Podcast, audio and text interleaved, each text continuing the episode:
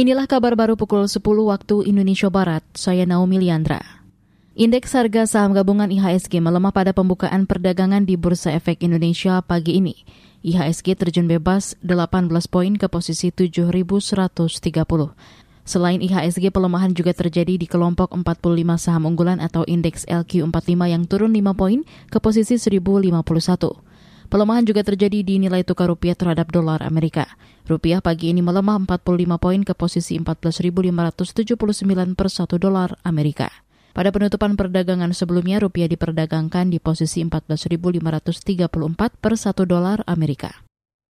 Pemerintah berkomitmen mewujudkan perdamaian dan semangat persatuan di tanah Papua. Komitmen itu menurut Wakil Presiden Ma'ruf Amin antara lain diwujudkan lewat berbagai regulasi dan kebijakan afirmatif. Salah satunya Undang-Undang Otonomi Khusus.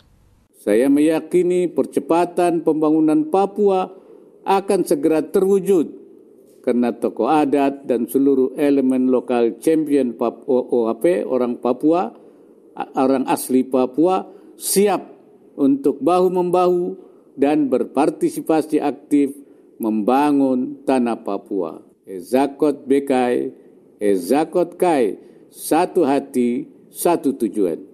Wakil Presiden Maruf Amin mengklaim telah menginstruksikan TNI dan Polri menggunakan pendekatan secara humanis, mengedepankan dialog dan tanpa kekerasan dalam mewujudkan keberhasilan pembangunan di Papua.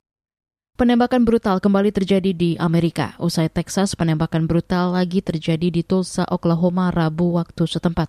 Polisi memastikan empat orang tewas dalam insiden penembakan brutal yang terjadi di gedung Natal Medical Rumah Sakit Kampus St. Francis. Dikutip dari CNN, kepolisian setempat belum merinci tiga korban tewas dalam penembakan tersebut, namun pelaku penembakan dikabarkan tewas. Sebelumnya, 21 orang tewas usai penembakan brutal di sekolah dasar Robb Elementary School di kota Uvalde, Texas. Pasca kejadian itu, Presiden Joe Biden menyerukan adanya reformasi senjata api di negara itu. Saudara, demikian kabar baru KBR. Saya Naomi Liandra, undur diri.